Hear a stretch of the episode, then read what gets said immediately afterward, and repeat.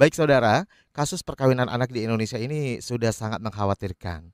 Dari data Pengadilan Agama atas permohonan dispensasi perkawinan usia anak, tahun 2021 tercatat 65 ribu kasus dan tahun 2022 tercatat 55 ribu kasus pengajuan gitu ya 55 ribu pengajuan maksudnya pengajuan permohonan menikah pada usia anak lebih e, banyak disebabkan oleh faktor pemohon perempuan sudah hamil terlebih dahulu gitu dan faktor dorongan dari orang tua yang menginginkan anak mereka segera menikah karena sudah memiliki teman dekat atau pacaran.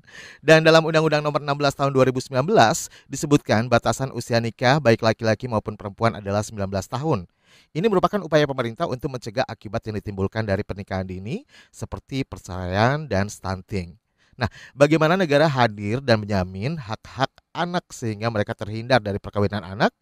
Kemudian bagaimana tantangan dan solusi yang diberikan pemerintah? Nah, kita akan perbincangkan lebih dalam terkait hal ini di ruang publik KBR yang bisa Anda simak di 100 radio jaringan KBR di seluruh Indonesia, dari Aceh hingga Papua. Di Jakarta Anda bisa mendengarkan di 104,2 MSRI FM Jakarta. Baik, dan saya tidak sendirian karena saya uh, juga menghadirkan tiga narasumber sekaligus. Yang pertama saya akan sapa terlebih dahulu Bapak Agus Suryo Suripto SAGMH, Kepala Subdirektorat Bina Keluarga Sakinah Kementerian Agama RI. Selamat pagi, Assalamualaikum Pak Agus Suryo. Wabarakatuh, Mas Rizal. Ya. Assalamualaikum Pak Imron, Bu Rohika, sehat selalu. Ya, Pak Agus Suryo, eh, apa namanya nanti kita akan berbincang lebih dalam ya terkait eh, tema kita pagi hari ini dan bersama dua narasumber yang lain yang juga hadir pagi ini di uh, studio KBR yaitu Dr. Imron Rosadi MSI selaku asisten deputi pemenuhan hak perlindungan anak Kemenko PMK. Selamat pagi. Selamat pagi Bang Rizal. Assalamualaikum. Waalaikumsalam warahmatullahi wabarakatuh. Kemudian berikutnya adalah Ibu Rohika Kurniadi Sari, SHMSI, asisten deputi pemenuhan hak anak atas pengasuhan dan lingkungan. Selamat pagi Ibu Rohika. Assalamualaikum. Waalaikumsalam Bang Rizal. Terima kasih. Terima kasih atas kehadirannya di studio pagi hari ini. Maaf mengganggu kesibukannya. Baik, dan ini kita berbicara soal uh, tema perkawinan anak gitu ya, Ibu ya. Pada tahun 2030 pemerintah juga memiliki visi yang sangat luar biasa yaitu Indonesia Layak Anak 2030. Ini merupakan uh, sebuah inisiatif nasional ya yang bertujuan untuk meningkatkan kualitas kehidupan anak-anak di Indonesia. Nah, mungkin sebelumnya Ibu Rohika, sebelum kepada dua narasumber bapak-bapak yang ganteng-ganteng ini ya. Baik. Ladies first ini ceritanya Ibu. Ibu Rohika, sebenarnya apa sih syarat atau kriteria yang harus dipenuhi agar Indonesia bisa dikatakan uh, layak anak?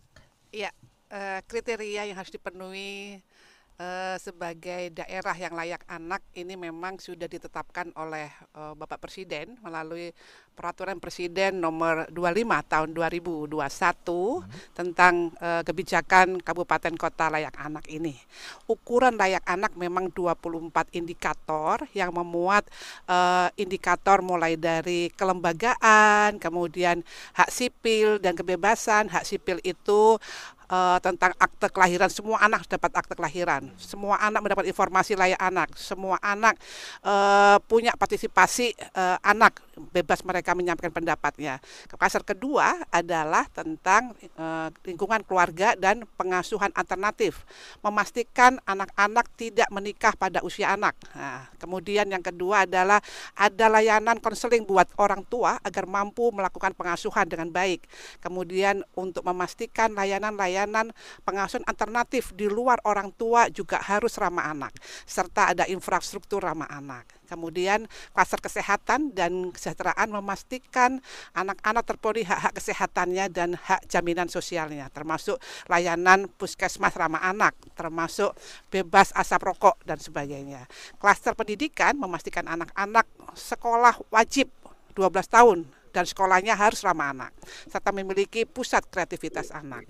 Uh, yang kelima adalah klaster tentang perlindungan khusus. Ketika anak-anak terjebak di dalam perlindungan khusus yaitu anak-anak yang uh, ter terjebak dalam situasi teroris, situasi uh, apa berhadapan dengan hukum dan sebagainya harus mendapatkan layanan penanganan sesuai dengan hak anak. Nah, hmm. inilah yang dinyatakan bahwa daerah itu e, kriterianya menjadi layak anak. Tentu kita memastikan itu memang menjadi mm, jaminan ketika negara memastikan anak-anak harus tumbuh berkembang kelangsungan hidupnya itu di tempat yang layak anak gitu Bang Rizal. Jadi memang uh, selain SDM-nya gitu ya, tapi juga pendukungnya seperti infrastruktur, sarana iya, dan prasarana seperti itu ya, Bu. Betul, Ibu, ya? betul. Yang memenuhi hak anak. Iya sehingga bisa disebut sebagai layak anak. Betul. Seperti itu, Ibu. Berarti sejauh ini se sebelum maksudnya ini kan program ini mulai dicanakan mulai digaungkan kapan Ibu?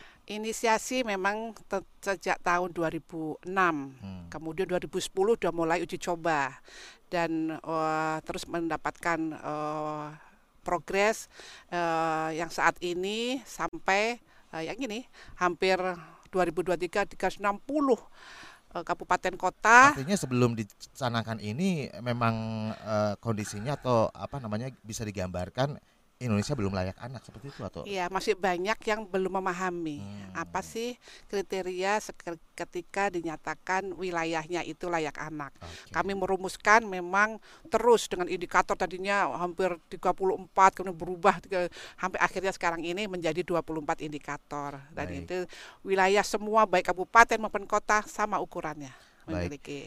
Ya uh, dengan uh, banyaknya kasus perkawinan anak ini menjadi yeah. PR kita semua ya. Uh, bukan hanya pemerintah nggak mungkin bisa bekerja sendiri juga. Betul. Semua harus uh, bersinergi dan bahkan ber, apa namanya antar kementerian, antar lembaga, antar stakeholder, bahkan masyarakat sampai grassroots gitu ya. Yes. Itu semuanya harus bersinergi. Salah satunya juga dari Kementerian Agama RI. Ini Kemenak juga mendukung percepatan kota layak anak di mana kabupaten atau kota itu membentuk GTKLA atau gugus tugas kabupaten layak iya. anak gitu ya. Mungkin bisa dijelaskan nih apa yang dikerjakan oleh GTKLA ini uh, Pak Agus Suryo. Monggo. Baik, uh, Bang Rizal terima kasih. Bu Rohika, Pak Imron, selamat pagi. Mohon maaf tidak bisa hadir uh, di studio karena kegiatan kami kemarin ada di Surabaya. Kegiatan-kegiatan uh, yang terkait dengan bagaimana upaya-upaya Kemenak uh, untuk menumbuhkan kesadaran bagi masyarakat agar mereka paham tentang hak dan kebutuhan anak. Baik, uh, Mas Rizal, kalau uh, gugus tugas gugus tugas uh, kota layak anak atau kabupaten layak anak itu kan sebetulnya domainnya pemerintah kabupaten kota, pemerintah kabupaten ya, yang untuk membuat itu. Sebetulnya uh, apa yang disampaikan Bu Rohika tadi secara hmm, uh, apa umum telah mencakup apa yang di dijalankan eh, oleh gugus tugas eh, kabupaten atau kota layakna, yakni kota yang mampu merencanakan, menetapkan serta menjalankan seluruh program-program pembangunan dengan berorientasi pemenuhan hak dan kewajiban pada anak. Ini dimaksud agar anak itu dapat ber, agar anak dapat tumbuh kembang dengan baik. Nah, mohon maaf. Okay. Eh, ini eh, tentu Kementerian Agama atau bahkan pemerintah kabupaten kota tidak dapat ber, berdiri sendiri, tidak dapat bergerak sendiri, tentu harus ada tindakan-tindakan yang yang komprehensif, integrated antara satu kota dengan kota yang eh sorry satu kementerian dengan kementerian yang lain, baik itu government atau uh, eh, non government, LSM, tokoh masyarakat dan sebagainya. Nah, apa lalu tugas Kementerian Agama pada uh, apa pemenuhan hak dan kewajiban anak pada kota layak Satu, Kementerian Agama itu harus memastikan bahwa rumah ibadah itu adalah uh, public space yang juga ramah kepada anak. Kita kan tahu ada beberapa rumah ibadah, mohon, mohon maaf, ada masjid yang ketika ada anak-anak di dalamnya itu justru malah dimarahi. Ini kan tidak uh, tidak baik justru karena anak-anak justru pembentukan uh, karakternya itu dari tempat tempat ibadah. Maka Kementerian Agama memastikan bahwa rumah ibadah itu harus ramah uh, anak. Yang kedua, pesantren-pesantren yang menjadi uh, pembinaan dari Kementerian Agama itu juga harus pesantren yang ramah anak. Tidak boleh ada bullying di uh, lembaga pendidikan keagamaan di situ. Yang mirisnya sekarang justru berita di eh, media-media televisi akhir-akhir ini banyak sekali perundungan atau bullying yang itu justru menimpa teman sebaya atau yang lebih miris justru dilakukan oleh oleh tenaga pendidik atau guru. Ini eh, apa namanya harus kita pastikan. Kementerian Agama memastikan bahwa pesantren itu harus ramah anak. Nah, eh, kalau pesantren mungkin sekarang sudah ada pembedaan antara laki-laki dan perempuan ya. Maka di di rumah ibadah itu juga harus di di apa eh, pastikan bahwa masjidnya itu ada eh, eh, kamar kecil yang terpisah antara laki-laki dan perempuan. Baik, Ada Bapak, yang sebelum terpisah. kita lanjutkan kembali untuk eh, penjelasannya nanti mungkin setelah jeda iklan karena kita harus iklan terlebih dahulu, tapi saya Oke, juga siap, nanti akan cari tahu juga nih mengenai program dari eh, Kemenko PM PMK gitu ya, Pak Imron.